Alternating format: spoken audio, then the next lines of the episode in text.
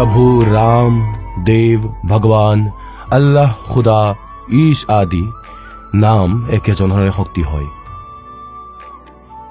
তেওঁ কেনেকুৱা ক'ত আছে কেনেকৈ পাব পাৰি কোনে দেখিছে? এই প্ৰশ্নবাচক চিহ্ন পূৰ্ণৰূপেৰে আঁতৰাবলৈ অৱশ্যেই শুনিব জগতগুৰু তত্বদৰ্শীৰ সতৰাম পাল মহাৰাজৰ অমৃত বচন। সৰ্বপবিত্ৰ ধৰ্মৰ পবিত্ৰ শাস্ত্ৰৰ আধাৰত परमात्मा कहते हैं चारों युग में संत पुकारे कूक कहा हम हेल रे हीरे माणक मोती बरस हैं ये जग सुगता ढेल रे এতিয়া পৰমাত্মা পৰমেশ্বৰ কবীৰ দেৱজী কবীৰ চাহেবজীয়ে যিসকল পুণ্যাত্মাক লগ কৰিলে তেওঁলোকে নিৰ্ভয় হৈ উচ্চস্বৰে পৰমাত্মাৰ প্ৰচাৰ কৰিলে সেই সত্য জ্ঞানক গতিকে প্ৰত্যেক যুগতে প্ৰভু আহে কবীৰ পৰমেশ্বৰ দেৱ। সত্য যুগত সৎ সুকৃত নামেৰে ত্ৰেতা যুগত মুনীন্দ্ৰ নামেৰে দ্বাপৰত কৰুণাময় নামেৰে আৰু কলি যুগত এয়া কবীৰ নামেৰে। তেখেতে কৈছিলে যে চাৰি যুগতে মেৰে সন্ত পুকাৰে আৰু আমিও চিঞৰি চিঞৰি ঢোলৰ ডংকাত কৈছিলো যে के हीरे माणक मोती बरसे यो जग सुगता ढेल रे হীৰা মুকুতা এৰি সৎ সাধনা ৰূপী এই সৎ নাম ৰূপী সত্য নাম আৰু সাৰ নাম ৰূপী মুকুতাক গ্ৰহণ নকৰি এই আন উপাসনা আন সাধনা অন্য দেৱতাৰ এইদৰে আমি পূজা কৰি আছো টুকুৰাবোৰ একত্ৰিত কৰি আছো গতিকে সেই সময়ত পৰমাত্মাৰ এই কথা আমি বুজিব পৰা নাছিলো। ব্ৰহ্মা বিষ্ণু মহেশ্বৰৰো মাতা পিতা আছে। আৰু এতিয়াও দাসৰ লগত এয়াই হৈ আছে। আমি এই সৎজ্ঞান পৰমাত্মাৰ দিয়া হোৱা এই জ্ঞান আপোনাক দি আছো। গতিকে কিছু যাৰ দিন হাজিৰা যাৰ জীৱিকাত বাধা হৈ আছে তেওঁলোকে ইয়াত জঁপিয়াই পৰিছে। কিন্তু এতিয়া এওঁলোকে একো কৰি লাভ নাই কিয়নো সমাজ শিক্ষিত হৈ পৰিছে। আজিৰ পৰা ছশ বছৰ আগত পৰমাত্মাই কৈছিলে ব্ৰহ্মা বিষ্ণু মহেশ্বৰ নাশৱান হয় এওঁলোকৰ জন্ম মৃত্যু হয় এওঁলোকৰ মাতা পিতা আছে। কিন্তু আমাৰ বিশ্বাস হোৱা নাছিল আজি বিশ্বাস হ'ব। এতিয়া দেখুৱাই আছো আপোনালোকক। পুণ্যাত্মাসকল আমি পৰমাত্মাক জানিব লাগিব। আৰু যেতিয়া আমাৰ দৃঢ় বিশ্বাস হৈ যাব যে কবিৰ ইজ গড তেতিয়া নাথিং এলছ। তেতিয়া একোৱেই বাচি নাথাকিব। পাছত তেওঁৰ দ্বাৰা কোৱা হোৱা সেই সাধনা আৰু এয়া বিশ্বাস হ'ব যে এয়াই মন্ত্ৰ মুক্তি মাৰ্গৰ। এয়াই সকলো আন একো নাই। তেতিয়া কথাই শেষ হৈ যাব। এতিয়া এই ছয়ত্ৰিছ এয়া নাজানো তিনিশ ষাঠি গুৰু তিনিশ ষাঠি মন্ত্ৰ বনাই ৰাখিছে এওঁলোকে। এয়া মনৰ মতে কৰা আচৰণ যাৰ সদগ্ৰন্থত প্ৰমাণ নাই। তেন্তে সৰ্বপ্ৰথমে আমি এই অন্ধকাৰক আঁতৰাব লাগিব অজ্ঞানক আঁতৰাব লাগিব নাশ কৰিব লাগিব অজ্ঞানতাৰ। এই তত্বজ্ঞানৰ পোহৰলৈ আপোনালোকক আনিব লাগিব। এতিয়া চাব ছশ বছৰ আগতে পৰমাত্মাই তেওঁৰ সচিদানন্দ ঘনব্ৰহ্মৰ বাণীত কবিৰ বাণীত কবিৰ সাগৰত যি আদৰণীয় ধৰমদাস চাহেবে লিপিবদ্ধ কৰিছিলে তাত একেধৰণেই লিখা আছে। এয়া চাওক। এয়া চাব কবিৰ সাগৰ। সম্পূৰ্ণ এঘাৰ ভাগ। খেমৰাজ শ্ৰীকৃষ্ণ দাস প্ৰকাশন বোম্বাই। ইয়াৰ পৰা প্ৰকাশিত। এয়া পুৰণা প্ৰকাশন বহুত পুৰণা। ইয়াত চাব কবিৰ সাগৰ জ্ঞান সাগৰ প্ৰথম খণ্ড কবিৰপন্থী ভাৰত পথিক স্বামী যুগলানন্দ বিহাৰী দ্বাৰা পৰিষ্কৃত মুদ্ৰক এবং প্ৰকাশক খেমৰাজ শ্ৰীকৃষ্ণ দাস অধ্যক্ষ শ্ৰী বেংকটেশ্বৰ প্ৰেছ খেমৰাজ শ্ৰীকৃষ্ণ দাস মাৰ্গ মুম্বাই। এতিয়া মই আপোনালোকক লৈ যাওঁ। বোধ সাগৰ জ্ঞান বোধত। এয়া জ্ঞান বোধ আৰু এয়া বোধ সাগৰ। পৃষ্ঠা নম্বৰ একৈছত আপোনালোকক পঢ়ুৱাম धर्मदास ये जग बोराना कोई न जाने पद निर्वाणा यही कारण मैं कथा पसारा जग से कहिए वो राम नियारा এয়া ৰাম হয় এওঁলোকে ভুল মিছপ্ৰিণ্ট কৰি দিলে কবিৰপন্থীসকলে यही ज्ञान जग जीव सुनावो सब जीवों का भरम नसावो अब मैं तुमसे कहूँ चिताई त्रिदेवन की उत्पत्ति बाई कुछ संक्षेप कहूँ गहुराई सब संशय तुम मिट जाई। बर्म गए जग वेद पुराना आदि राम का भेद न जाए। या राम हो नाम न हो राम राम सब जगत बखाणे आदि राम कोई बिरला जाने এয়া নাম এওঁলোকে ভুলতে লিখিছে মিছপ্ৰিণ্ট হৈ গৈছে পাছত এওঁলোকে সংশোধন কৰিছে কিন্তু এওঁলোকৰ বুদ্ধিটো নাছিলেই अब सचमुच यहाँ चल रहा है कि राम राम सब जगत बखाने आदि राम আদি ৰাম মানে সনাতন পৰমাত্মা সকলোতকৈ প্ৰথম পুৰাতন ভগৱান এইটো জনা ব্যক্তি অতি বিৰল ज्ञानी सुने सो हृदय लगाई मूर्ख सुने तो गम ना पाई माँ अष्टंगी पिता निरंजन ये जम दारुण वंशन अंजन এতিয়া এওঁলোকৰ মাতা অষ্টাংগী দুৰ্গা হয় আৰু পিতা জ্যোতি নিৰঞ্জন কাল पहले कीन निरंजन राई पीछे से माया उपजाई माया रूप देख अति शोभा देव निरंजन तन मन लोभा काम देव धर्मराय सताए देवी को तुरंत दर खाए ইয়াত ধৰম ৰায় এয়া কালক কোৱা হৈছে पेट से देवी करी पुकार पुकारी हे साहब मोहे करो उभारी टेर सुनी सतगुरता आए अष्टंगी को बंद छुड़वाए ইয়াত তেৰ চুনি তাহা হম আই এয়া পৰমাত্মাই নিজ ফালৰ পৰা কৈ আছে এওঁলোকে ভুল লিখিছে धर्मराय यानी काल ने निरंजन ने हिकमत की ना नख रेखा से भग कर लेना धर्मराय करे भोग विलासा, माया को रही तब आशा। तीन पुत्र अष्टंगी जाए, ब्रह्मा, विष्णु, शिव नाम धराए। तीन देव विस्तार चलावे, इनमें यो जग धोखा खावे।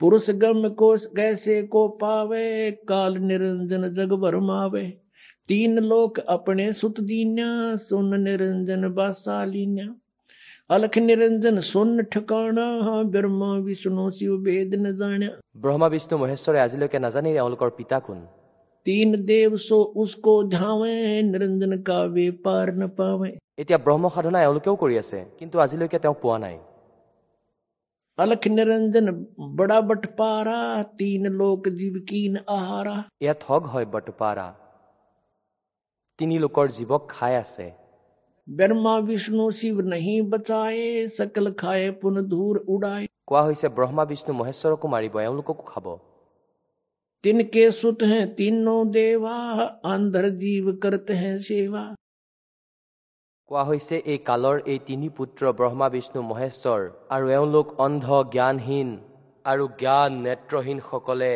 এওঁলোকৰ পূজা কৰে। अकाल पुरुष काहू नहीं चीन्या काल पाए सभी गए लीना तीन देव और असुर अवतारा, ताको भजे सकल संसारा। गुण तीनों का ये विस्तारा, धर्मदास मैं कहूँ पुकारा। गुण तीनों की भक्ति में ये भूल पड़ो संसार। कहें कबीर निज नाम बिना, कैसे उतरो पार? तीन देव की जो करते भक्ति इनकी कदे ना हो मुक्ति এতিয়া পুণ্যাত্মাসকল কলিজা ফাটি যাব যদি বুদ্ধিমান ব্যক্তি হয় ছশ বছৰ আগতে আহি এই বাণী এজনে যাক আমি পঢ়া শুনা নাজানে বুলি কওঁ অশিক্ষিত আৰু বেদ শাস্ত্ৰ নাজানে আৰু তেখেতেই এয়া লিখুৱাই ৰাখিছে লিখি ৰাখিছে যে এনেকুৱা এনেকুৱা আছিল আৰু আজি এয়াই আমাৰ সদগ্ৰন্থত লিখি থোৱা পোৱা যায়। তেন্তে পুণ্যাত্মাসকল ভগৱান কোন হয়? Kabir is God. পৰমাত্মাই ক'ব পাৰিব যেনেকৈ গীতা জ্ঞানদাতা এই ব্ৰহ্ম হয় এওঁই কাল হয়। নিজৰ পুত্ৰ শ্ৰীকৃষ্ণত প্ৰৱেশ কৰি তেওঁ কৈ আছে এওঁ এনেকুৱাই লীলা কৰে এওঁ কাৰোৰে সন্মুখত নাহে। শ্ৰীমদ ভাগৱত গীতাৰ অধ্যায় নম্বৰ চাৰিৰ শ্লোক নম্বৰ পাঁচ আৰু নত তেওঁ স্বয়ং কয় যে অৰ্জুন তোমাৰ আৰু মোৰ বহুবাৰ জন্ম হৈ গৈছে। তুমি নাজানা কিন্তু মই জানো মোৰ কৰ্ম আৰু জন্ম অলৌকিক হয়। এওঁৰ কৰ্ম অলৌকিক হয় এনেকুৱা। এওঁ কাৰোবাৰ ভিতৰত প্ৰৱেশ কৰি কথা পাতে। আৰু গীতাৰ অধ্যায় নম্বৰ সাতৰ শ্লোক নম্বৰ চৌব্বিছ পঁচিছত কৈছে যে এই মূৰ্খ সমুদায় সন্মুখত থিয় হৈ থকা সৈনিক ইহঁতে মোক কৃষ্ণ বুলি ভাবি আছে। I am not Krishna. মোৰ দৰে অব্যক্তিক ব্যক্তি আপনম মানন্তে এওঁলোকে মোক কৃষ্ণ ভাবি আছে যি মই এয়া কৈ আছো। মই কৃষ্ণ নহয় মই নিজ যোগ মায়াৰে লুকাই থাকোঁ। মই কেতিয়াও কাৰো সন্মুখত প্ৰকট নহওঁ। এয়া মোৰ অটল অনুতম নিকৃষ্ট নিয়ম হয়। মই কেতিয়াও কাৰোৰে সন্মুখত নাহোঁ মই লুকাই থাকোঁ গুপ্ত হৈ থাকোঁ।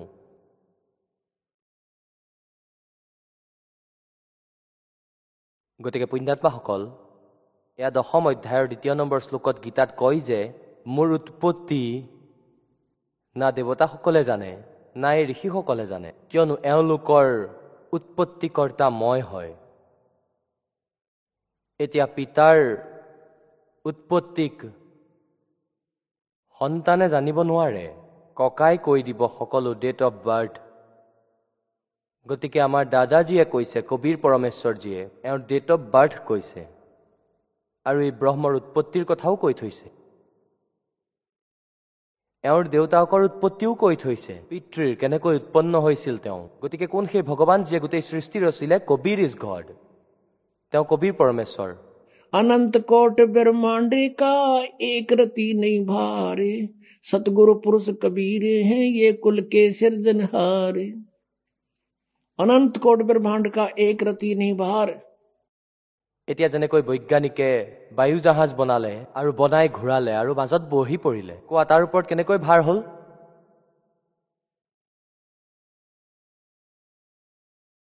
গতিকে সেই পৰমেশ্বৰে আহি আমাক সকলোবোৰ জ্ঞান দিলে। এতিয়া মই আপোনালোকক দেখুৱাম পবিত্ৰ সদগ্ৰন্থত। চাব শিৱপুৰাণত। এয়া হৈছে সংক্ষিপ্ত শিৱপুৰাণ সচিত্ৰ মোটা টাইপ কেৱল হিন্দী গীতা প্ৰেছ গোৰখপুৰৰ পৰা প্ৰকাশিত। ইয়াৰ সম্পাদক হ'ল হনুমান প্ৰসাদ পোদ্দাৰ। গীতা প্ৰেছ গোৰখপুৰৰ পৰা প্ৰকাশিত।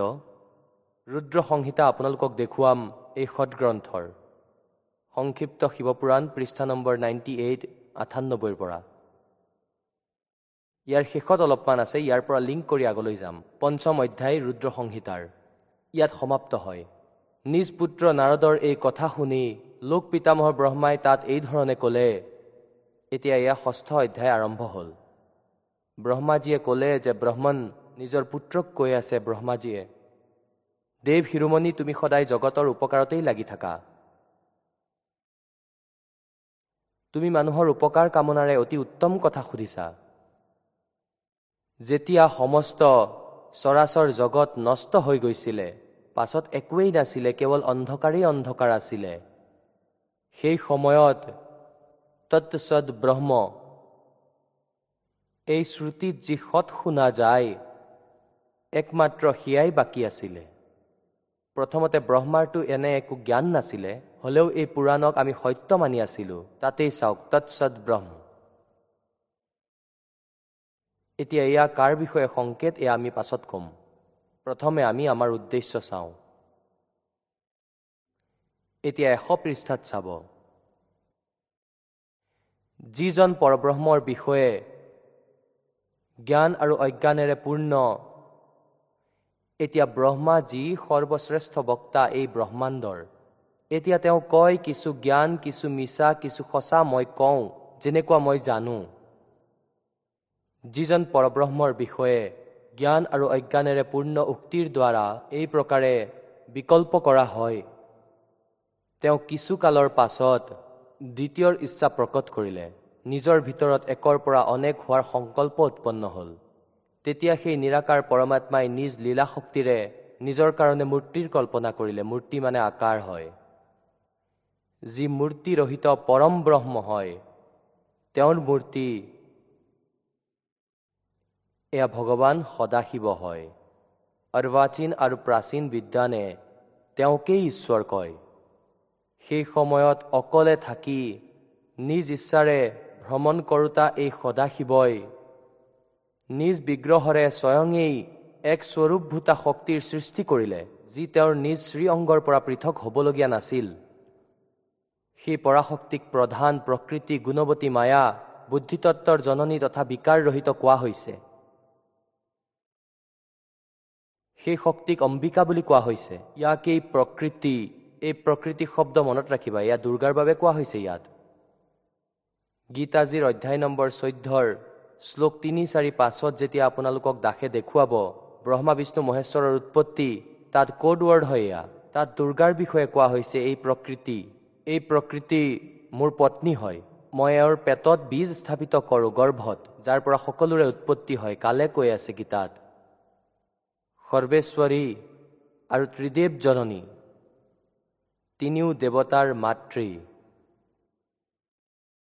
নিত্য আৰু মূল কাৰণো কোৱা হয় সদাশিৱৰ দ্বাৰা প্ৰকট কৰা সেই শক্তিৰ আঠখন বাহু আছে অষ্টাংগী अब मैं तुमसे कहूँ चिताई त्रिदेवन की उत्पत्ति वाई माँ अष्टंगी पिता निरंजन যাক এয়া সদাশিৱ কোৱা হয় এই সদাশিৱ এয়া হ'ল সেই কাল আৰু শিৱ ৰূপ ধাৰণ কৰি প্ৰকট হয় নিজৰ পুত্ৰ ৰূপ ধাৰণ কৰি তেওঁৰ আঠখন বাহু আছে সেই শক্তিৰ আঠখন বাহু আছে।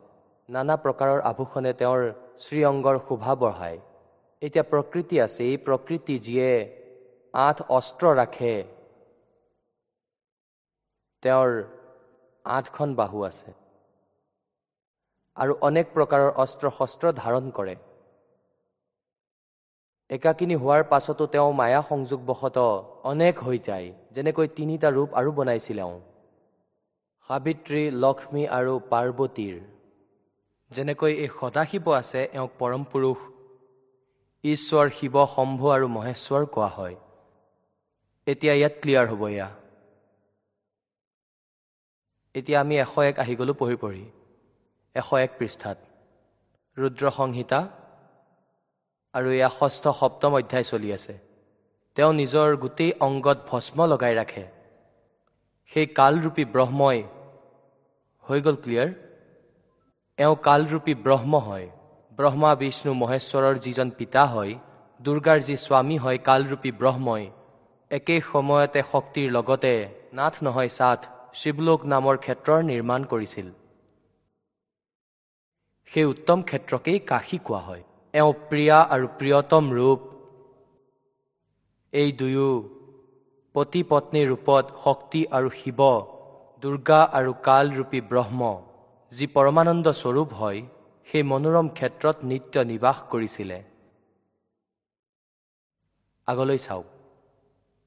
দেৱৰ্ষে এসময়ত সেই আনন্দ বনত ৰমণ কৰি থাকোঁতে শিৱা আৰু শিৱৰ দুৰ্গা আৰু কালৰ মনত এয়া ইচ্ছা হ'ল যে এজন দ্বিতীয় পুৰুষৰো সৃষ্টি কৰিব লাগিব কোনো সন্তান উৎপন্ন কৰিব লাগিব। যাৰ ওপৰত এই সৃষ্টি সঞ্চালনৰ ভাৰ ৰাখি আমি দুয়ো কেৱল কাশীত থাকি ইচ্ছা অনুসাৰে বিচৰণ কৰিব পাৰিম আৰু নিৰ্বাণ ধাৰণ কৰিম। এনেকুৱা নিশ্চয় কৰি শক্তি সহিতে সৰ্বব্যাপী পৰমেশ্বৰ শিৱই কালে কালৰূপী ব্ৰহ্মই নিজৰ বাওঁ ভাগৰ দশম অংগত অমৃত সানি দিলে অৰ্থাৎ পতি পত্নীৰ ব্যৱহাৰ কৰিলে। পাছত তাৰ পৰা এজন পুৰুষ প্ৰকট হ'ল অৰ্থাৎ পুত্ৰ। ইয়াত চাব। এশ দুই পৃষ্ঠাত এতিয়া আমি ইয়াত পঢ়িম অলপমান ল'ম। শিৱই ক'লে সেই উৎপন্ন বালকক ক'লে শিৱই ক'লে পুত্ৰ ব্যাপক হোৱাৰ কাৰণে তোমাৰ বিষ্ণু নাম বিখ্যাত হৈছে। এতিয়া দুৰ্গা আৰু কালৰ পৰা বিষ্ণুৰ জন্ম সিদ্ধ হ'ল। এতিয়া চাওক এয়া ষষ্ঠ অধ্যায় সমাপ্ত হ'ল এতিয়া সপ্তমলৈ আহোঁ। ব্ৰহ্মাজীয়ে কয় দেৱৰ্ষে তাৰ পাছত কল্যাণকাৰী পৰমেশ্বৰ শ্যাম সদাশিৱই অৰ্থাৎ কালে দুৰ্গাৰ সৈতে সংযোগ কৰি যেনেকৈ বিষ্ণুক উৎপন্ন কৰিলে আগতে প্ৰয়াস কৰি মোক নিজৰ সুঅংগৰ পৰা উৎপন্ন কৰিলে। এতিয়া পুণ্যাত্মাসকল এতিয়া আপোনালোকৰ কোনো শংকা নাই যে কোন হয় এওঁলোকৰ দাতা? কোন হয় এই সকলোৰে সৃষ্টি সকলোৰে উৎপত্তিৰ কথা জ্ঞাতজন? আৰু পৰমাত্মা বিনা সৰ্বজ্ঞ হ'ব নোৱাৰে? সকলোকে জানোতা কেৱল কবিৰ ইজ গড। এতিয়া ইয়াত দুটা কনচেপ্টটো ক্লিয়াৰ হৈ গ'ল যে বিষ্ণু আৰু ব্ৰহ্মাৰ উৎপত্তি হ'ল। এই কাল আৰু দুৰ্গাৰ সংযোগত। এওঁলোক তেওঁলোকৰ পুত্ৰ। এতিয়া তৃতীয়জন থাকি গ'ল শিৱ। এতিয়া ইয়াত অনুবাদকৰ্তা বিচলিত হৈ গ'ল। মূল সংস্কৃত পাঠত ঠিকেই লিখিছে। এতিয়া অনুবাদকৰ্তাই কেৱল হিন্দীত আছে ইয়াত। তেওঁ ইয়াত খেলি মেলি কৰি দিলে। ভাবিলে শিৱৰ পৰা শিৱৰ উৎপত্তি লিখিলে মোক পাগল কোৱা হ'ব সেয়েহে সি গণ্ডগোল কৰি দিলে परमात्मा कहते हैं चोर चुरावे तुमड़ी और गड्ढे पानी में वो गड्ढे हुआ उपरा उन्हें सच्चाई छनी ना এজন চোৰে তুম্বা চুৰ কৰিছিল শুকান তুম্বা ই মতিৰাৰ দৰে হয় এই তুম্বা তুম্বা হৈছে এটা লাও খোলা এইটো শুকাই যায় আৰু তাৰ ভিতৰৰ পৰা বীজ উলিয়াই দিয়া হয় তেতিয়া এয়া শুকাই একেবাৰে এটা বলৰ দৰে হৈ যায় এটা ভাল ডাঙৰ বলৰ দৰে সি ইয়াক চুৰ কৰি ভাবিলে যে এতিয়া ইয়াক পানীত লুকুৱাই দিয়া যাওক সি ডুব মাৰিলে আৰু পানীৰ তলত থৈ আহে কিন্তু তাতকৈ আগতে ওপৰলৈ আহি যায় तो कहते हैं चोर चुरावे तुमड़ी गड्ढे पानी में वो गड्ढे वो उपरा उन्हें सच्चाई छनी ना এতিয়া আপোনালোকক দেখুৱাওঁ। ব্ৰহ্মা বিষ্ণু আৰু মহেশ্বৰৰ পৰা অন্য হয় যি এওঁলোকৰ পিতা। এতিয়া চাওক। সেই ৰুদ্ৰ সংহিতা। এয়া সেইখনেই শিৱপুৰাণ সংক্ষিপ্ত শিৱপুৰাণ। এশ দহ পৃষ্ঠাত। ৰুদ্ৰ সংহিতা চলি আছে। এতিয়া ইয়াত আমি নৱম অধ্যায়লৈ আহি পৰিছোঁ। শেষত এই প্ৰকাৰে ব্ৰহ্মা বিষ্ণু তথা ৰুদ্ৰ এই তিনিও দেৱতাৰ গুণ আছে। কিন্তু শিৱক গুণাতীত বুলি মনা হৈছে। ৰজগুণ ব্ৰহ্মা সৎগুণ বিষ্ণু তমগুণ শিৱ এয়াও সিদ্ধ হৈ গ'ল। এই তিনিওৰে গুণ আছে কিন্তু শিৱ মানে সদাশিৱ অৰ্থাৎ কালৰূপী ব্ৰহ্ম এওঁ এই তিনিওজনৰ পৰা পৃথক হয়। ইয়াতে ৰুদ্ৰ শব্দ লিখি এওঁলোকে আকৌ খেলি মেলি কৰি দিলে। এতিয়া ভাবিব যে ৰুদ্ৰটো বেলেগ হয় আকৌ কোনোবা। আগলৈ ইয়াৰ কনচেপ্ট আৰু ক্লিয়াৰ কৰি দিয়া হ'ল। এতিয়া যেনেকৈ ৰৈ ৰৈ আপোনালোকক দাসে এই জ্ঞান দি আছে কিন্তু আপোনালোক বিদ্যাৰ্থী হয়। বহুবাৰ এনেকুৱা হয় যে আপুনি সৎসংগ কৰিব নোৱাৰে। সেই সময়ত এই টপিক চলি যায় কেনেকৈ ভ্ৰমিত হয় কোৱা হয়। ঋষিমুনিসকলে পৰমাত্মা প্ৰাপ্তিৰ বাবে বেদক পঢ়িলে। ওম নাম। পূৰ্ণ পৰমাত্মাৰ মানি ল'লে। ব্ৰহ্মক চুপ্ৰিম গড মানি ল'লে। হঠযোগ কৰিলে ওম নামৰ জপ কৰিলে কিন্তু একোৱেই প্ৰাপ্ত নহ'ল। গতিকে কি হ'ল? সমাধি লগাইছিলে মেডিটেশ্যন কৰিছিলে সমাধিস্থ হৈ গৈছিলে। এই কালে কেনেকৈ চল কৰে? কাৰোবাক ব্ৰহ্মাৰ ৰূপত দৰ্শন দি দিয়ে সমাধি অৱস্থাত তেতিয়া তেওঁ কয় যে ব্ৰহ্মা ইজ গড ব্ৰহ্মাই পৰমাত্মা। তেওঁ নিজকে লুকুৱাই ৰাখিছিলে মই সমাধিত দেখিলোঁ এওঁৱেই ভগৱান। এতিয়া ইয়াৰ পৰা ব্ৰহ্মাদেৱৰ প্ৰভুত্ব বৃদ্ধি পালে। তেওঁ ভাবিলে যে ময়েই ভগৱান হয়। সিফালৰ পৰা এই কালে কি কৰে আন এজন ঋষিক বিষ্ণু ৰূপত দি দিলে দৰ্শন নিজৰ পুত্ৰ বিষ্ণুৰ ৰূপত। তেওঁ সকলো ঠাইতে ঢোল বজাই ফুৰিলে যে এওঁ স্বয়ং মালিক এওঁ পূৰ্ণ পৰমাত্মা অজৰ অমৰ। তেওঁৱেই সৰ্বশক্তিমান হয়। তেওঁৱেই তিনিও ৰূপ ধাৰণ কৰে এই বিষ্ণু ইজ গড। আৰু এই কথাত বিষ্ণুজী ফুলি গ'ল আই এম গড। কাৰোবাক আকৌ তেওঁ পুত্ৰ শিৱৰ ৰূপত দৰ্শন দিয়ে তেওঁ তেতিয়া শিৱকেই সৰ্বেশ্বৰ মানিলে মহেশ্বৰ মৃত্যুঞ্জয় কালজ্জয় সৰ্বেশ্বৰ ক'লে। এই কথাৰ ভ্ৰমতেই এদিন ব্ৰহ্মাদেৱে ক'লে বিষ্ণুজীক যে মই তোমাৰ পিতা হওঁ। তুমি থিয় হৈ মোৰ সৎকাৰ নকৰা। বিষ্ণুজীয়ে কয় মই তোমাৰ পিতা তুমি মোৰ নাভি কমলৰ পৰা উৎপন্ন হৈছা। ব্ৰহ্মাই কয় মই গোটেই সৃষ্টিৰ ৰচোতা তুমি মোৰ পুত্ৰ। এই কথাতে দুয়োৰে মাজত বিবাদ হ'ল কাজিয়া লাগি গ'ল। আৰু যেতিয়া কালে ব্ৰহ্মই দেখিলে যে এই দুয়ো কাজিয়া লাগি মৰিব তেওঁ এওঁ দুয়োৰ মাজতে এটা পিলাৰ থিয় কৰালে তেজোময় স্তম্ভ। তেওঁলোকে কাজিয়া এৰি ইয়াৰ তল ওপৰ বিচাৰিব ধৰিলে যে ইয়াৰ সমাপ্ত ক'ত হয়। ইয়াৰ ক'তো অন্ত নাপাই ব্ৰহ্মাই মিছা কৈ দিলে। এয়াতো এটা ডাঙৰ কাহিনী মই পিছত কৈ আছো। কি হ'ল? এই কাল আহি গ'ল সদাশিৱ ৰূপত। নিজৰ পুত্ৰৰ ৰূপত শিৱৰ ৰূপত প্ৰকট হ'ল। আৰু দুয়োজনকে ক'লে যে ইউ আৰ নট গড তোমালোক পৰমাত্মা নহয়। তোমালোকৰ ভ্ৰম হৈছে তোমালোকে নিজকে ঈশ্বৰ মানি আছা। ঈশ্বৰৰ তোমালোকৰ এই পাৰ্থক্য উলিয়াবলৈ ভ্ৰম নিবাৰণ কৰিবলৈ মই আহিছোঁ। ইয়াৰ বাবে আপোনালোকক বিধ সংস্কৃত দেখাব লাগিব। এই শিৱপুৰাণ চাওক। ইয়াৰ প্ৰথম ভাগ হয় শিৱ মহাপুৰাণ। হিন্দী টীকা সহিত শ্ৰী শিৱ মহাপুৰাণ বিদ্যাৱৰিধি পণ্ডিত জ্বালাপ্ৰসাদজী মিশ্ৰ কৃত হিন্দী টীকা সহিত খেমৰাজ শ্ৰীকৃষ্ণ দাস প্ৰকাশন বোম্বাই ইমানেই এতিয়া আমি ইয়াত অকণমান লিংক চাম। এবাৰ ব্ৰহ্মা আৰু বিষ্ণুৰ যুদ্ধ হ'ল। এতিয়া ইয়াৰ এঘাৰ নম্বৰ পৃষ্ঠাত বিদ্বেশ্বৰ সংহিতা। বিদ্বেশ্বৰ সংহিতা ভাগ এক অধ্যায় ছয়ত নন্দিকেশ্বৰে ক'লে। নন্দিকেশ্বৰ অৰ্থাৎ শিৱৰ বাহনে ক'লে। এই কাল থাকে যি ৰূপত। হে যোগেন্দ্ৰ আগলৈ এসময়ত বিষ্ণু শেষ শয্যাত নিজৰ গৰুৰ আদি পৰিষদ আৰু লক্ষ্মী সহিতে শয়ন কৰিছিলে বিশ্ৰাম কৰি আছিলে। তেতিয়া ব্ৰহ্মজ্ঞানত শ্ৰেষ্ঠ ব্ৰহ্মাই নিজ ইচ্ছাৰে তালৈ আহিলে আৰু সকলো প্ৰকাৰে সুন্দৰ শয্যাত শয়ন কৰা কমললোচন বিষ্ণুদেৱক সুধিব ধৰিলে। তুমি কোন হয়? মোক দেখিও অভিমানী পুৰুষৰ দৰে শয়ন কৰা। শুই আছা হে বৎস পুত্ৰ উঠা মই তোমাৰ স্বামী আহিছো। ব্ৰহ্মাজীয়ে ক'লে পুত্ৰ থিয় হোৱা। চোৱা মই তোমাৰ স্বামী আহিছো। অহা। গুৰুক দেখি যিয়ে অভিমান কৰে সেই দ্ৰোহী মূঢ়ৰ মূঢ় মানে মূৰ্খৰ। প্ৰায়চিত্ৰ হোৱা উচিত। এয়া শুনি বিষ্ণুদেৱৰ অন্তৰতটো ক্ৰোধ হ'ল।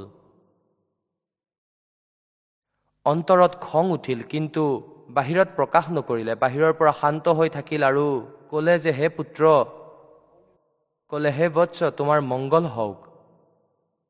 বহা এই আসনত বিৰাজ কৰা। এই সময়ত তোমাৰ চকু কুটিল আৰু মুখ বেকা কিয় হৈ গ'ল? কিয়নো খং উঠি আছিলে। ব্ৰহ্মাজীৰ ব্ৰহ্মাজীয়ে ক'লে বৎস বিষ্ণু হে পুত্ৰ বিষ্ণু তোমাৰ সময়ৰ প্ৰভাৱৰ কাৰণে অভিমান আছে। হে পুত্ৰ মই তোমাৰ ৰক্ষক আৰু জগতৰ পিতা। পিতামহ হওঁ বিষ্ণুদেৱে ক'লে এয়াতো গোটেই জগত মোৰ ভিতৰতেই স্থিত। তুমি চোৰৰ দৰে কেনেকৈ ইয়াক নিজৰ বুলি কোৱা? তুমি মোৰ নাভি কমলৰ পৰা উৎপন্ন হৈছা। সেয়েহে তুমি মোৰ পুত্ৰ। মোক পুত্ৰ কোৱাটো বৃথা নন্দিকেশ্বৰে ক'লে এই প্ৰকাৰে ব্ৰহ্মা বিষ্ণু দুয়োই ৰজগুণেৰে মুগ্ধ হৈ বিবাদ কৰি থাকিলে। মই শ্ৰেষ্ঠ মই স্বামী এনেদৰে কৈ ইজনে সিজনক মৰাৰ ইচ্ছাৰে যুদ্ধ কৰিবলৈ আৰম্ভ কৰিলে। আৰু তেতিয়াই সকলো দেৱতা বিমানত বহি সেই মহা অদ্ভুত যুদ্ধক চাবলৈ আহিল। আৰু আকাশৰ পৰা তেওঁলোকৰ ওপৰত ফুল ছটিয়াব ধৰিলে। কি কম দেৱতাসকল।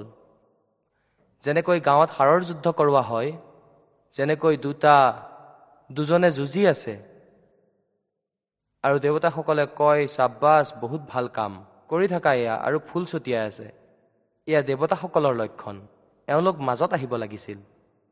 আৰু হাত জুৰি তেওঁলোকক এৰুৱাব লাগিছিলে যে আপোনালোকে যুঁজিলে আমাৰ কি হ'ব? আৰু দেৱতাসকলেতো আমাক ওপৰৰ পৰা ফুল ছটিয়াব বঢ়িয়া মৰা কাটি লাগি। গতিকে এই পঞ্চায়তত প্ৰথমৰ পৰাই বেয়া হৈ আছে আজি নহয়। এয়া তাৰ পৰাই দেৱতাসকলৰ এইবোৰ লক্ষণ আমাৰ দৰে ইয়াত পৃথিৱী লোকত পিছত কি হ'ব সেয়াতো ভাবিবলগীয়া কথা। আণ্ডাৰষ্টুড আমি আমাৰ কি হ'ব? এতিয়া তেওঁলোকৰ কাজিয়া হৈ গ'ল। তাৰ পাছত মাজত এতিয়া শ্বৰ্টকাটত কম এয়া অলপমান দেখুওৱাটো জৰুৰী আছিলে। যাক আমি পূজা কৰোঁ তেওঁলোকৰ বুদ্ধি কিমান আছিল? যাক আমি সৰ্বেশ্বৰ মহেশ্বৰ আৰু ভগৱান মানো তেওঁলোক চতুৰ্থ শ্ৰেণীৰ ল'ৰা ছোৱালীৰ দৰে আছিল। তৃতীয় চতুৰ্থ শ্ৰেণীৰ শিশুৱে কাজিয়া কৰে।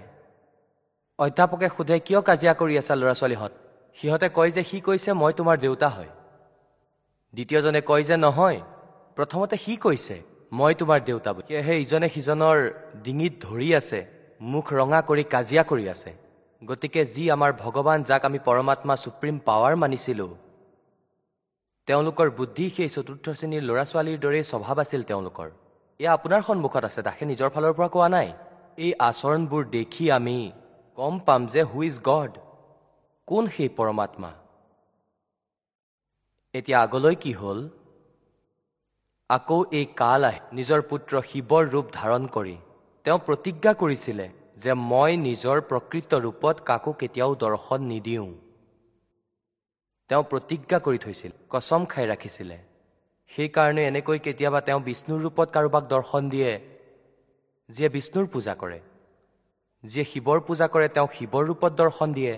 বাস্তৱিক ৰূপত আহিছিল মহাভাৰতৰ যুদ্ধত। যেতিয়া সেই অৰ্জুনৰ দৰে যোদ্ধাও তেওঁৰ মুখ দেখি কম্পিত হৈ গৈছিল। সেয়া আছিল তেওঁৰ আচল ৰূপ। আৰু কৈছিলে মই কাল হয় সকলোকে খাবলৈ আহিছোঁ। তেতিয়া অৰ্জুনে হাতযোৰ কৰি কৈছিলে যে হে ভগৱান আপুনি আপোনাৰ সেই চতুৰ্ভুজ ৰূপত আহি যাওক আৰু মই এয়া চাব নোৱাৰোঁ তেওঁৰ কলিজা ফাটি গ'ল।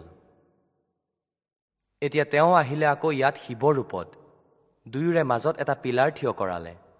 আহি থিয় হৈ গ'ল আৰু ক'ব ধৰিলে যে মই তোমালোকক এটা শিক্ষা দিবলৈ আহি তোমালোকে নিজকেই নিজেই ভগৱান মানি আছা। ইউ আৰ নট গড এয়া চাব। এয়া হৈছে পৃষ্ঠা নম্বৰ সোতৰ। প্ৰথমে আমি এঘাৰত পঢ়ি আছিলোঁ। বিদ্বেশ্বৰ সংহিতা অধ্যায় ন। সেই দুয়োজনৰ অজ্ঞানতা আৰু কাজিয়াক দূৰ কৰাৰ অৰ্থে দুয়োজনকে ক'লে। কোনে? সেই কালৰূপী ব্ৰহ্মই সদাশিৱ যাক কোৱা হয় তেওঁলোকৰ পিতাই কি ক'লে? মোৰ সকল আৰু নিষ্কল ভেদেৰে দুটা স্বৰূপ আছে কিন্তু আৰু ঈশ্বৰ নহয়। এই কাৰণতেই আৰু দুটা ৰূপ হ'ব নোৱাৰে। প্ৰথম স্তম্ভৰূপ অৰ্থাৎ সেই পিলাৰ ৰূপত যি থিয় হৈ গৈছিল আৰু দ্বিতীয়তে মূৰ্তিমান ৰূপ ধাৰণ কৰিলে। ইয়াত ব্ৰহ্ম নিষ্কল হয়। আৰু ঈশ্বৰ ৰূপ সৎগুণ হয়। এই মোৰ দুইটা ৰূপ সিদ্ধ হয় আন কাৰোৰে হ'ব নোৱাৰে। এইকাৰণে তোমালোক দুয়োজনক অথবা আনক ঈশ্বৰত্বৰ প্ৰাপ্তি হ'ব নোৱাৰে। তোমালোকে যি অজ্ঞানতাৰে নিজকে ইছ অৰ্থাৎ ভগৱান মানিছা এয়া অতি অদ্ভুত হৈছে। ইয়াকে দূৰ কৰিবলৈ মই ৰণস্থানত আহিছোঁ। তোমালোকে যি অজ্ঞানতাত ব্ৰহ্মা আৰু বিষ্ণুক কৈ আছে তেওঁলোকৰ পিতাই এই কালে নিজকে ঈশ্বৰ মানি ললা। তুমি ঈশ্বৰ নোহোৱা ইউ আৰ নট গড এয়া অতি অদ্ভুত হ'ল। ইয়াকে দূৰ কৰিবলৈ মই ৰণস্থানত আহিছোঁ। এতিয়া তোমালোকে নিজৰ অভিমান ত্যাগ কৰি মই ঈশ্বৰত নিজৰ বুদ্ধি লগোৱা। মোৰ প্ৰসাদৰ পৰাই এই লোকত সকলো অৰ্থ প্ৰকাশ কৰা হয়। এতিয়া চাওক এয়া স্পষ্ট কৰে ময়েই পৰব্ৰহ্ম হওঁ। এতিয়া এয়া মূৰ্খ বনোৱাৰ চেষ্টা কৰি আছে। ময়েই পৰব্ৰহ্ম হওঁ। মোৰেই কল অকল ৰূপ হয়। ব্ৰহ্ম হোৱাৰ বাবে মই ঈশ্বৰ হওঁ। অনুগ্ৰহ আদি মোৰ কৃত্য হয়। সৰ্বব্যাপী হোৱাত আৰু জগতৰ বৰ্ধক হোৱাত মই ব্ৰহ্ম হওঁ। হে ব্ৰহ্ম কেশৱ সমত্ব আৰু ব্যাপক হোৱাৰ বাবে মই আত্মা হওঁ। মই এই সকলোৰে ঈশ্বৰ হওঁ। এয়া মোৰ হয় মোৰ বাহিৰে আন কাৰোৰেই নহয়। প্ৰথমতে ব্ৰহ্মতত্ত্ব জ্ঞানৰ নিৰ্মিত নিষ্কল ব্ৰহ্মৰ প্ৰাদুৰ্ভাৱ হৈছে। এতিয়া আমি আগৰ পৃষ্ঠাত চাওঁ। ওঠৰ নং পৃষ্ঠাত। এতিয়া ইয়াত চাব তললৈ ইয়াত লিখা আছে হে পুত্ৰ এতিয়া এয়া কালে কৈ আছে নিজৰ দুই পুত্ৰক ব্ৰহ্মা আৰু বিষ্ণুক। হে পুত্ৰ দুয়ো এই কৃত্য নিজৰ তপেৰে প্ৰাপ্ত কৰিছা। কোনটো কৃত্য? কোনটো জব উৎপত্তি আৰু স্থিতি সৃষ্টি। এয়া চাওক হে পুত্ৰসকল এই কৃত্য নিজৰ তপেৰে প্ৰাপ্ত কৰিছা যাক সৃষ্টি উৎপত্তি আৰু পালন বুলি কোৱা হয়। সেয়েহে মই প্ৰসন্ন হৈ তোমাক দিছো। এই প্ৰকাৰেই দ্বিতীয় দুই কৃত্য এতিয়া চাওক এয়া গোটেই কনচেপ্ট ক্লিয়াৰ হৈ গ'ল। এতিয়া বক্তা হৈছে এই কাল। ইয়াত কৈছে দুই কৃত্য ৰুদ্ৰ আৰু মহেশক প্ৰদান কৰিছে। এতিয়া দুটাটো ওপৰত হৈ গ'ল পুত্ৰ। দুটাটো এয়া ওপৰত আছিলে আৰু এতিয়া এয়া দুটা ইয়াত হৈ গ'ল ৰুদ্ৰ আৰু মহেশ। ইয়াৰ পৰা বেলেগ হয় এয়া কওঁতাজন এওঁৰ পিতা। ইমানেই কনচেপ্ট ক্লিয়াৰ কৰিবলগীয়া আছিলে আৰু আগলৈ আমাক নালাগে। অলপমান আৰু দেখুৱাই দিছোঁ আপোনালোকক। এতিয়া এয়া চাওক ঊনৈছ পৃষ্ঠাত এয়া। সিদ্ধ হ'ব যে গীতাটো সেই একেই জ্ঞান দি আছে। বিদ্বেষৰ সংহিতাই চলি আছে। অধ্যায় দহ। এতিয়া ইয়াত কৈ আছে হে সৌম্য মোৰ জ্ঞানৰ পৰা বিমুখ হোৱাত তোমাৰ এই অজ্ঞানতা আহিলে। মোৰ জ্ঞান থকা হ'লে তোমাৰ এনেকুৱা নহ'ল হয়। জ্ঞান আৰু ৰূপ মহেশৰ তুল্য হ'লে হয়। এইকাৰণে সেই জ্ঞানৰ সিদ্ধিৰ নিমিত্ত ওমকাৰ নামৰ মন্ত্ৰৰ জপ কৰা ই সকলো অভিমান দূৰ কৰোতা হয়। সেয়ে এই নিজ মন্ত্ৰ উপদেশ কৰে। এই ওংকাৰ মোৰ মুখৰ পৰা উৎপন্ন হ'লে মোৰেই ৰূপৰ বোধক হয় অৰ্থাৎ কয় ওম মোৰেই মন্ত্ৰ হয়। মহামংগল কৰিব। এয়া বাচক হয় মই বাস্য হওঁ। এই মন্ত্ৰ মোৰ আত্মা হয়। ইয়াৰ স্মৰণেৰেই মোৰ স্মৰণ হয়। উত্তৰৰ ফালৰ মুখৰ পৰা ঔকাৰ পশ্চিমৰ মুখৰ পৰা উকাৰ দক্ষিণৰ মুখৰ পৰা মকাৰ পূব দিশৰ মুখৰ পৰা বিন্দু মধ্যৰ মুখৰ পৰা নাদ উৎপন্ন হৈছে। এই ধৰণে পাঁচ প্ৰকাৰে নিৰ্গত হোৱা এই সকলো এক হৈ ওম এনেকুৱা আখৰ হৈ যায়। ইয়াৰ পৰা সিদ্ধ হৈ গ'ল যে ওম মন্ত্ৰৰ জপ এই ব্ৰহ্মৰ হয়। ব্ৰহ্মা বিষ্ণু মহেশ্বৰৰ পিতাৰ হয় আৰু এয়াই এক আক্ষৰ হৈ যায়। এই সকলো নাম ৰূপাত্মক। বেদ ভূত দুয়ো কুল অৰ্থাৎ স্ত্ৰী পুৰুষৰ ভেদেৰে ভৌতিক। শৰীৰবৰ্গৰে দুয়োৰে ভেদ হয়। তেওঁ এই মন্ত্ৰৰে ব্যাপ্ত আৰু শিৱশক্তিৰ বোধক হয়। এই ওংকাৰেৰে সকলো জগতৰ বোধক প্ৰণৱ উৎপন্ন হৈছে। অক্ষৰ আদিৰে অৰ্থাৎ অকাৰেৰে নকাৰেৰে উকাৰেৰে মকাৰেৰে শিৰে বিন্দুৰে বা নাদৰে এয়া প্ৰকট হৈছে। আৰু এই পঞ্চ আক্ষৰেৰেই পাঁচ ভেদেৰে মাতৃৰ আকাৰ লৰংকাৰ এই সকলোবোৰ। এই সকলোৰে মূল হৈছে এই ওম হয় এই সকলো মন্ত্ৰৰ মূল ওম হয়। আৰু ওম এটা আখৰ হয়। ইয়াত ওম নমঃ শিৱাই ক'তো মূল পাঠত নাই। ইয়াত ইয়াৰ পৰা আৰম্ভ হৈছে যে একীভূত হৈ ওম ইতি একাক্ষৰ এ ভৱত ভৱত এয়া এটা আখৰ হৈ যায় নাথিং এলছ এতিয়া ইয়াত যি ওম এটা আখৰ হয় গীতাৰ অধ্যায় নম্বৰ আঠৰ। শ্ৰীমদ ভাগৱত গীতাৰ অধ্যায় নম্বৰ আঠৰ শ্লোক নম্বৰ তেৰত কৈছে যে ওম ইতি একাক্ষৰম ब्रह्म व्यवहारन माम अनुसमरण ये पर्याति तदंदेहम सयाति परमाम गतिम মাম ব্ৰহ্ম মই ব্ৰহ্মৰ কেৱল এটা ওম মন্ত্ৰ আছে ওম এক আখৰৰ এই ওম মন্ত্ৰ হয় এক আখৰ নাথিং এলছ আৰু যি উচ্চাৰণ কৰি স্মৰণ কৰি ইয়া প্ৰয়াতি তেজম দেহম যি শৰীৰ ত্যাগৰ সময়লৈকে ইয়াৰ স্মৰণ কৰি কৰি যায় সয়াতি পৰমাম গতিম ওমৰ পৰা পোৱা পৰম গতি তেওঁৰ প্ৰাপ্ত হয়। ওমৰ পৰা পোৱা পৰম গতি কি হয়? ব্ৰহ্মলোক প্ৰাপ্তি। অষ্টম অধ্যায়ৰ ষোল্ল নম্বৰ শ্লোকত কৈছে যে ব্ৰহ্মলোক পৰ্যন্ত জন্ম মৃত্যুৰ ভিতৰত আছে। এতিয়া আমি আমাৰ সেই টপিকত আহোঁ যে সেয়েহে গীতাৰ অধ্যায় নম্বৰ ওঠৰ শ্লোক নম্বৰ বাষষ্ঠিত গীতাৰ জ্ঞানদাতাই কয় যে তুমি সৰ্বভাৱেৰে সেই পৰমেশ্বৰৰ শৰণলৈ যোৱা। তেওঁৰ কৃপাৰেই তোমাৰ পৰম শান্তি সনাতন পৰম ধাম প্ৰাপ্ত হ'ব। শ্ৰীমদ ভাগৱত গীতাৰ অধ্যায় নম্বৰ সোতৰ শ্লোক নম্বৰ তেইছত কোৱা হৈছে যে ওম তৎসতিৰ্দেশ ব্ৰাহ্মণে মানে সচিদানন্দ ঘনব্ৰহ্ম পৰম অক্ষৰ ব্ৰহ্মপূৰ্ণ পৰমাত্মা সৎপুৰুষৰ। ওম তৎস তিনি মন্ত্ৰৰ জপ আছে নাথিং এলছ। শ্ৰী গীতাত আৰু দ্বিতীয় মন্ত্ৰ নাই ওমৰ অতিৰিক্ত। আৰু এই তিনি মন্ত্ৰৰ জপ গীতা জ্ঞানদাতাই কয় মই নাজানো। চতুৰ্থ অধ্যায়ৰ চৌত্ৰিছ নম্বৰ শ্লোকত কৈছে যে সেই তত্ত্বজ্ঞানৰ ভিতৰত সেই সকলোবোৰ বিস্তাৰিতভাৱে কোৱা হৈছে যি চতুৰ্থ অধ্যায়ৰ বত্ৰিছ নম্বৰ শ্লোকত কোৱা হৈছে সচিদানন্দ ঘনব্ৰহ্মৰ বাণীত কোৱা হৈছে সেয়া হৈছে তত্ত্বজ্ঞান। সেই তত্ত্বজ্ঞানক তুমি সেয়া তত্ত্বদৰ্শী সন্তৰ ওচৰলৈ গৈ বুজি লোৱা।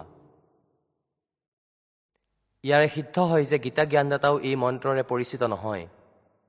গতিকে কোৱাৰ ভাৱ এয়াই যে গীতাজীৰ ভিতৰত না হৰে ৰাম হৰে কৃষ্ণ না সীতা ৰাম ৰাম ৰাধেশ্যাম সীতা ৰাম আৰু না ওম নমঃ শিৱায় আৰু না ওম ভগৱতে বাসুদেৱায় নমঃ। তেন্তে সকলোবোৰ মনৰ মতে কৰা আচৰণ হয় এই মন্ত্ৰ।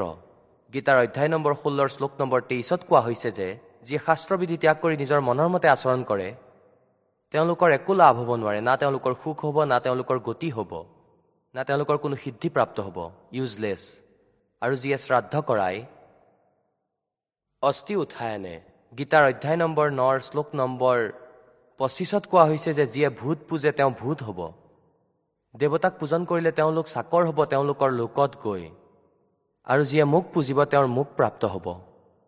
গতিকে এয়াও কনচেপ্ট ক্লিয়াৰ কৰি ৰাখিছে যে এই সাধনাসমূহ কৰিব নালাগে। গতিকে গীতা যি হয় এয়া আমাৰ সৎগ্ৰন্থসমূহৰ ভিতৰত এক ভক্তিৰ সৎগ্ৰন্থ হয়। এতিয়া প্ৰসংগ চলি আছিলে যে ব্ৰহ্মা বিষ্ণু মহেশ্বৰৰ মাতা পিতা কোন হয়? কনচেপ্ট ক্লিয়াৰ হৈ গ'ল। দুৰ্গা এওঁলোকৰ মাতা হয়। এই কালৰূপী ব্ৰহ্ম তেওঁ এওঁলোকৰ পিতা হয়। দুৰ্গাক প্ৰকৃতিও কোৱা হয়। আৰু ৰজগুণ ব্ৰহ্মা সদগুণ বিষ্ণু তমগুণ শিৱ হয়। এয়াও আপোনালোকক দেখুৱাই আছো। এইবাৰ শ্ৰীমদ ভাগৱত গীতাত আমি আপোনালোকক দেখুৱাম ব্ৰহ্মা বিষ্ণু মহেশ্বৰৰ উৎপত্তি দুৰ্গা আৰু কালৰ পৰা। এয়া চাব। এয়া হৈছে শ্ৰীমদ দেৱী ভাগৱত অৰ্থাৎ দেৱী পুৰাণ শক্তি পুৰাণ। হিন্দী টিকা সহিত ভাগ এক। এয়া ক'ৰ পৰা ছপা হৈছে? অথ দেৱী ভাগৱতম সভাসাতিকম সমহাত্যম। খেমৰা শ্ৰীকৃষ্ণ দাস প্ৰকাশন বোম্বাই চাৰি। এতিয়া আমি ইয়ালৈ আহোঁ।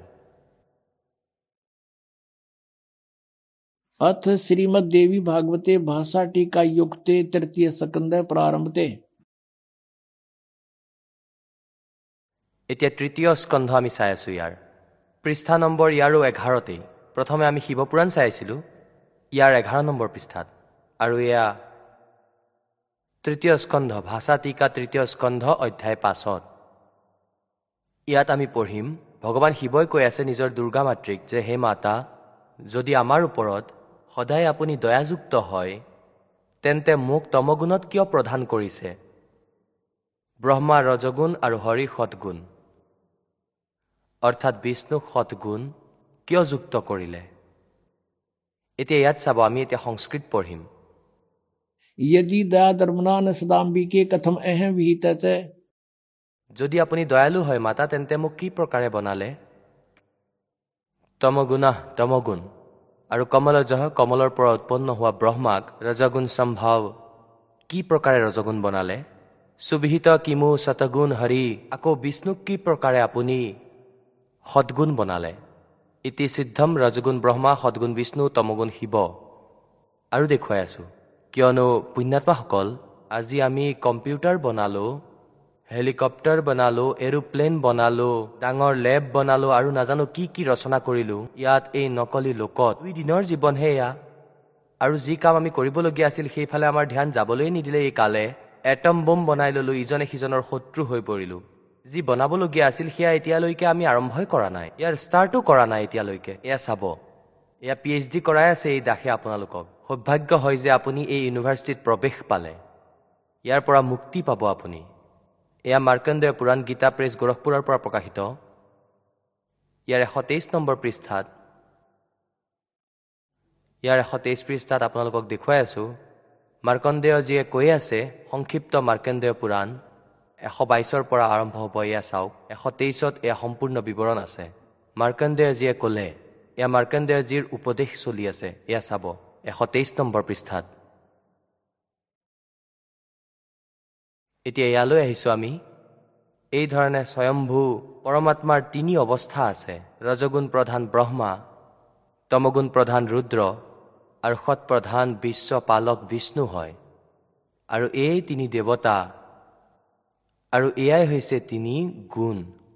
গুণ তিনো কি ভক্তি মে ইয়ে ভুল পড়ো সংসার কহে কবির নিজ নাম বিনা কেসে উতরো পারে तीन देव की जो करते भक्ति उनकी कदे ना हो मुक्ति এতিয়া এয়া কনচেপ্ট ক্লিয়াৰ হৈ গ'ল ৰজগুণ ব্ৰহ্মা হয় সদগুণ বিষ্ণু তমগুণ শিৱ এতিয়া আৰু দেখুৱাওঁ ব্ৰহ্মা বিষ্ণু মহেশ্বৰ নাশবান হয় ইয়াৰ পাছত আপোনালোকক শ্ৰীমদ ভাগৱত গীতাত দেখুৱাম তেওঁলোকৰ উৎপত্তি দুৰ্গা আৰু কালৰ পৰা এয়া চাব শ্ৰীমদ দেৱী ভাগৱত গীতা প্ৰেছ গোৰখপুৰৰ পৰা প্ৰকাশিত সম্পাদক হনুমান প্ৰসাদ পোদ্দাৰ শ্ৰীমন লাল গোস্বামী ইয়াৰ এশ তেইছ নম্বৰ পৃষ্ঠাত দেখুৱাম অলপমান। এশ তেইছ পৃষ্ঠাত ভগৱান বিষ্ণুৱে তেওঁৰ মাতা দুৰ্গাৰ স্তুতি কৰি কৈ আছে তুমি শুদ্ধ স্বৰূপা হয়। এই গোটেই সংসাৰ তোমাৰ পৰাই উদ্ভাসিত হৈ আছে। মই ব্ৰহ্মা আৰু শংকৰ আমি সকলো তোমাৰ কৃপাৰেই বিদ্যমান হৈছোঁ। আমাৰ আবিৰ্ভাৱ আৰু তিৰুভাৱ আবিৰ্ভাৱ মানে জন্ম তিৰুভাৱ মানে মৃত্যু হৈ থাকে। কেৱল তুমিয়েই নিত্য হয় জগত জননী হয় প্ৰকৃতি হয় আৰু সনাতনী দেৱী হয়। প্ৰকৃতি শব্দ মনত ৰাখিবা দুৰ্গাৰ বাবে। ভগৱান শংকৰে ক'লে দেৱী যদি মহাভাগ বিষ্ণু তোমাৰ পৰাই প্ৰকট হৈছে তেন্তে তেওঁৰ পাছত উৎপন্ন হোৱা ব্ৰহ্মাও তোমাৰেই সন্তান হ'ল। তেন্তে মই তমগুণী লীলা কৰা শংকৰ কি মই তোমাৰ সন্তান নহয়? অৰ্থাৎ মোক উৎপন্ন কৰোতাও তুমিয়েই হয়। শিৱে সম্পূৰ্ণ সংসাৰ সৃষ্টি কৰোতা তুমি অতি চতুৰ হয়। কনচেপ্ট ক্লিয়াৰ হ'ল? এই সংসাৰৰ সৃষ্টি স্থিতি আৰু সংসাৰত তোমাৰ গুণ সদায় সমৰ্থ হয়। এই তিনি গুণৰ পৰাই উৎপন্ন হোৱা আমি ব্ৰহ্মা বিষ্ণু আৰু শংকৰ নিয়ম অনুসাৰ কাৰ্যত তৎপৰ থাকোঁ। আমিতো কেৱল ৱৰ্ক ডান দিব পাৰোঁ কাৰোৰে কোনো পৰিৱৰ্তন কৰিব নোৱাৰোঁ। এতিয়া ইয়াৰ পৰা চাৰিটা কনচেপ্ট ক্লিয়াৰ হ'ল। এই পবিত্ৰ পুৰাণত দেৱী পুৰাণত এই কেইটামান লাইনত চাৰিটা কনচেপ্ট ক্লিয়াৰ হৈ গ'ল। এটাটো এয়া হ'ল যে ব্ৰহ্মা বিষ্ণু মহেশ্বৰ নাশৱান হয়। এওঁলোকৰ জন্ম মৃত্যু হয়। দ্বিতীয়টো এইটো হ'ল যে এওঁলোকৰ মাতা দুৰ্গা হয়। আৰু তৃতীয়টো এইটো হ'ল যে ৰজগুণ ব্ৰহ্মা সদগুণ বিষ্ণু তমগুণ শিৱ হয়। আৰু চতুৰ্থটো এইটো হ'ল যে এওঁলোকে কেৱল ৱৰ্ক ডান যেনেকুৱা কৰ্ম কৰিবা তেনেকুৱাইহে দিব পাৰে। ইয়াত কোনো পৰিৱৰ্তন কৰিব নোৱাৰে।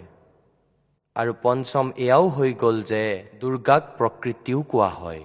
এতিয়া চাব পবিত্ৰ শ্ৰীমদ ভাগৱত গীতা গীতা প্ৰেছ গোৰখপুৰৰ পৰা প্ৰকাশিত হৈছে। জয় দয়াল গয়ন্দিকা ইয়াৰ অনুবাদক হয়। এতিয়া চৈধ্য নম্বৰ অধ্যায়ৰ তিনিটা শ্লোকে এই কনচেপ্ট ক্লিয়াৰ কৰিব। ক'ড ৱৰ্ড হয়? চাৰিওখন বেদৰে সংক্ষিপ্ত বৰ্ণনা হয় এয়া। বহুত শ্বৰ্টত এতিয়া চাব এয়া।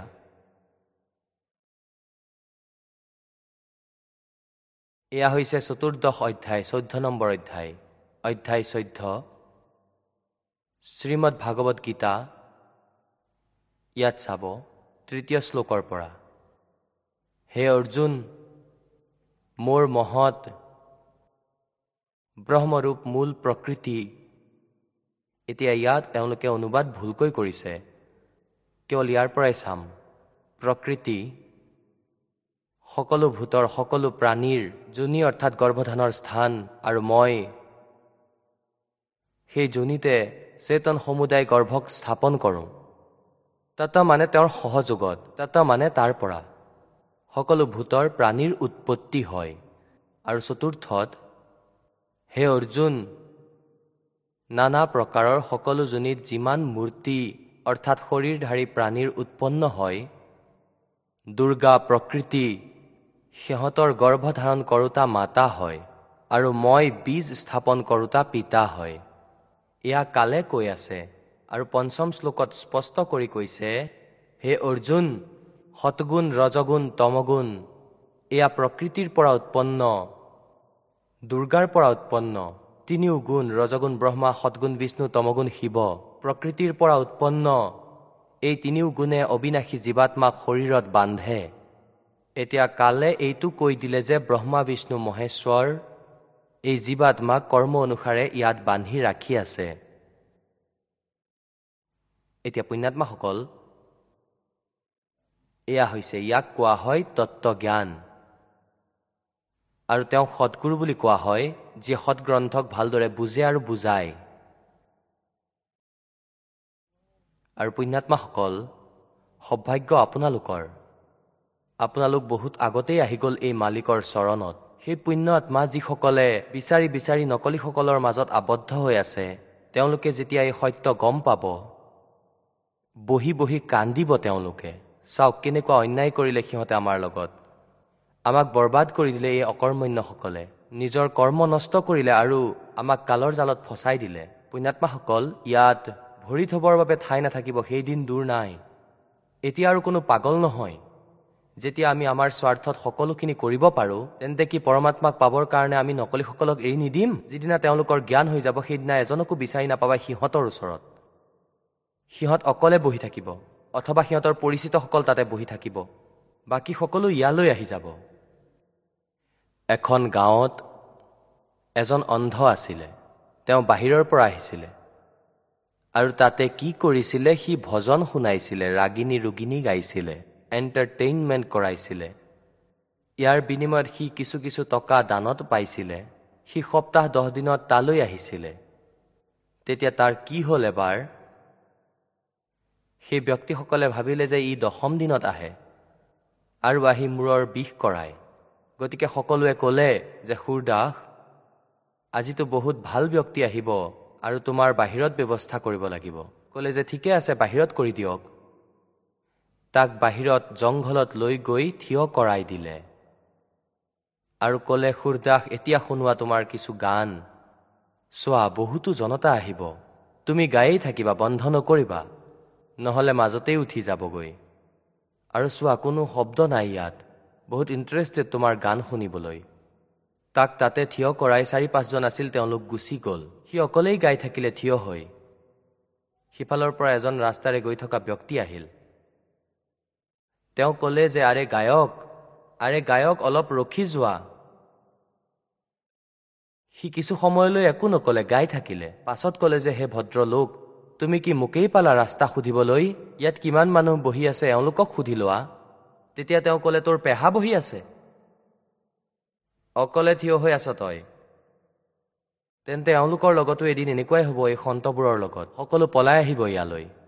এতিয়া পুণ্যাত্মাসকল পৰমাত্মাই আপোনাৰ ওপৰত দয়া কৰিছে এয়া। এতিয়া এয়া কনচেপ্ট ক্লিয়াৰ হৈ গ'ল যে পূৰ্ণ পৰমাত্মা কবিৰ পৰমেশ্বৰ হয় যিয়ে গোটেই সৃষ্টিৰ ৰচনাক স্বয়ং সঠিকভাৱে কয়। আৰু যিজন পৰমেশ্বৰে ছশ বছৰ আগতে যি অমৃতবাণীত জ্ঞান লিখিছিলে আজি আমাৰ পবিত্ৰ সদগ্ৰন্থই ইয়াক ছেকেণ্ড কৰি দিলে। সমৰ্থন দিলে যে সঁচাকৈ এনেকুৱাই আছিল। তেন্তে ভাই কোন হয় এই ভগৱান? এতিয়া এয়া আপোনাৰ আত্মাই মানি ল'ব এই কথা কিয়নো দাসে এয়া বিচাৰে যে আমি আমাৰ ভগৱানক চিনি পাওঁ আৰু পাছত তেওঁক জনাৰ পিছত আমি তেওঁৰ ওচৰত নিজেই আহি যাম তেওঁৰ বাহিৰে আন কাকোকেই দেখা নাপাম পৰমেশ্বৰে স্বয়ং কৈছে बंदी छोड़ दयाल जी तुम तक हमारी दौड़े जैसे काग जहाज का अब सूझत और न ठोरे যেতিয়া আপোনাৰ এই তত্ত্বজ্ঞান হৈ যাব পৰমাত্মাৰ চিনাক্তকৰণ হৈ যাব তেতিয়া এনেকুৱা স্থিতি হৈ যাব যেনেকৈ আপোনাৰ আগতে পুৰণি দিনত সামুদ্ৰিক জাহাজৰ ভিতৰত কাউৰী বহি গুচি গৈছিলে ৰুটি খাবৰ বাবে যে এটুকুৰা ইহঁতে খানা খাব এটুকুৰা যদি পেলায় ৰাতি বা সন্ধিয়া সময়ত আৰু দিনৰ সময়ত জাহাজ প্ৰস্থান কৰি যায় যেতিয়া ৰাতি হৈ যায় ৰাতিপুৱা সূৰ্য উদয় হয় তেতিয়ালৈকে দুশ তিনিশ কিলোমিটাৰ জাহাজ গুচি গৈছিলে। গতিকে সেই সময়ত এনেকুৱা ইনষ্ট্ৰুমেণ্ট আছিল দিশাসূচক যন্ত্ৰ ৰখা হৈছিল। আৰু কেতিয়াবা দিশাসূচক যন্ত্ৰ চুম্বকীয় শিলৰ বাবে অসুবিধাত পৰিছিলে। আৰু সেই জাহাজৰ চালকে নিজৰ ইনষ্ট্ৰুমেণ্ট চেক কৰিবলৈ নিজৰ দিশ চেক কৰিবলৈ কাউৰীৰ সহায় লৈছিলে। কাউৰীক এটা বিশেষ গুণ দিছে পৰমাত্মাই যে সি যি দিশেৰে যায় সেই দিশক পাহৰি নাযায়। তেতিয়া কি কৰিছিলে সেই চালকে? ৰাতিপুৱা কাউৰীক পাথৰ মাৰি দিছিলে। সিহঁতক বিবশ কৰি দিছিলে জাহাজৰ পৰা উৰিবলৈ। তেতিয়া কাউৰী সেই দিশাতেই উৰি যায় যে মই নিজ ঘৰলৈ উভতো। তেতিয়া সেই দিশতেই উৰি গুচি যায়। সি কিছু দূৰলৈকে উৰি যায়। কিন্তু সি ক'তোৱেই বহাৰ স্থান ওচৰে পাজৰে বিচাৰি নাপায়। শেষত সি সকলোফালে চায় আৰু ভাবে যে য'তেই বহিব ততেই ডুবি মৰিব। তেতিয়া উভতি আহি আকৌ সি সেই জাহাজতেই শৰণ ল'বলগীয়া হয়। তাৰ ৰক্ষা পাব পৰা একমাত্ৰ স্থান সেয়াই হয় সি তালৈকে উভতি আহিবহে। সিফালৰ পৰা জাহাজ চালকে নিজৰ দিশাসূচকেৰে নিজৰ দিশ চেক কৰি লয়। কাউৰী এই দিশত গৈছিলে আমি এই দিশেৰে আহিছিলোঁ। গতিকে এতিয়া আমি ঠিকেই গৈ আছো নে নাই? তেন্তে কোৱাৰ ভাৱ এয়াই যে পুণ্যাত্মাসকল আপোনালোকে যেতিয়া পৰমাত্মাৰ সামৰ্থ্যৰ কথা জানিব কবিৰ ইজ গড আপোনাৰ স্থিতি এনেকুৱা হৈ যাব জেছে কাগ জাহাজ কা আফচুজে অৰ নিথৰ। সকলোতে য'তেই বহিব ততেই ডুবি মৰিব অৰ্থাৎ আৰু সন্ত নাই আৰু ভগৱান নাই আৰু ক'তোৱেই এই জ্ঞান নাই গতিকে পাছত আপোনাৰ এই স্থিতি হ'ব যে আৰু ক'তো ঠিকনা নাই আৰু ইয়াৰ বাবে প্ৰয়াস কৰা হৈছে পুণ্যাত্মাসকল যে আমি আমাৰ পৰমাত্মাক চিনি লওঁ परमेश्वर कहते हैं मैं रोवत हूं सृष्टि को ये सृष्टि रोवे मोहे और कह कबीर हमारे वियोग को और समझ नहीं सकता कोई এওঁলোকে মোক বিচাৰি আছে ভগৱান সৰ্বশক্তিমান সুখদায়ক সকলো দুখ দূৰ কৰোতা আৰু মই কওঁ মই ভগৱান হয় কিন্তু এওঁলোকে মোক চিনি নাপায় এওঁলোকে কয় নহয় কবিৰক কোনে ভগৱান বনাই দিলে আৰু যাক তোমালোকে ভগৱান বুলি মানা তেওঁলোক ক'ৰ পৰা প্ৰমাণিত আছিল আমি কওঁ পুৰাণত এনেকুৱা লিখা আছে আৰু পুৰাণে এওঁলোকৰ স্থিতি কৈছে যে এই ভগৱানৰ স্থিতি কি হয়।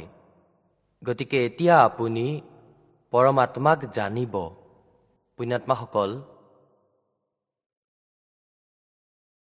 এই যি সময় আপোনালোকে পাইছে ভগৱানৰ ভক্তিৰ আৰু জ্ঞান শুনাৰ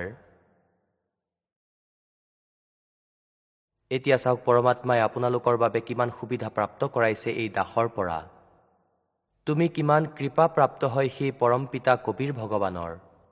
কিমান মৰমীয়াল আত্মা তুমি সেই শ্ৰেষ্ঠ আত্মাসকলৰ এজন যাক তেওঁ বিচাৰি ফুৰি আছে। শীতকালৰ দিন কম্বল আপোনাৰ ওচৰত আছে।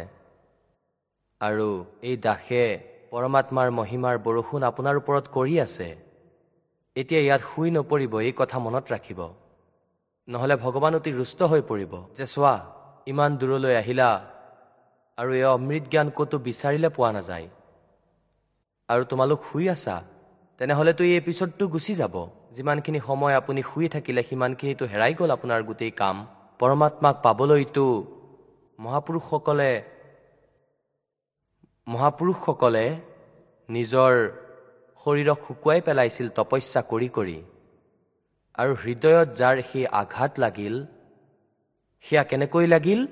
लागी का मार्ग और है, लगे चोट काल जा करके। लागी का मार्ग और है, लगे चोट काल जा करके। लगे चोट काल जा करके, लगे चोट काल जा करके। ला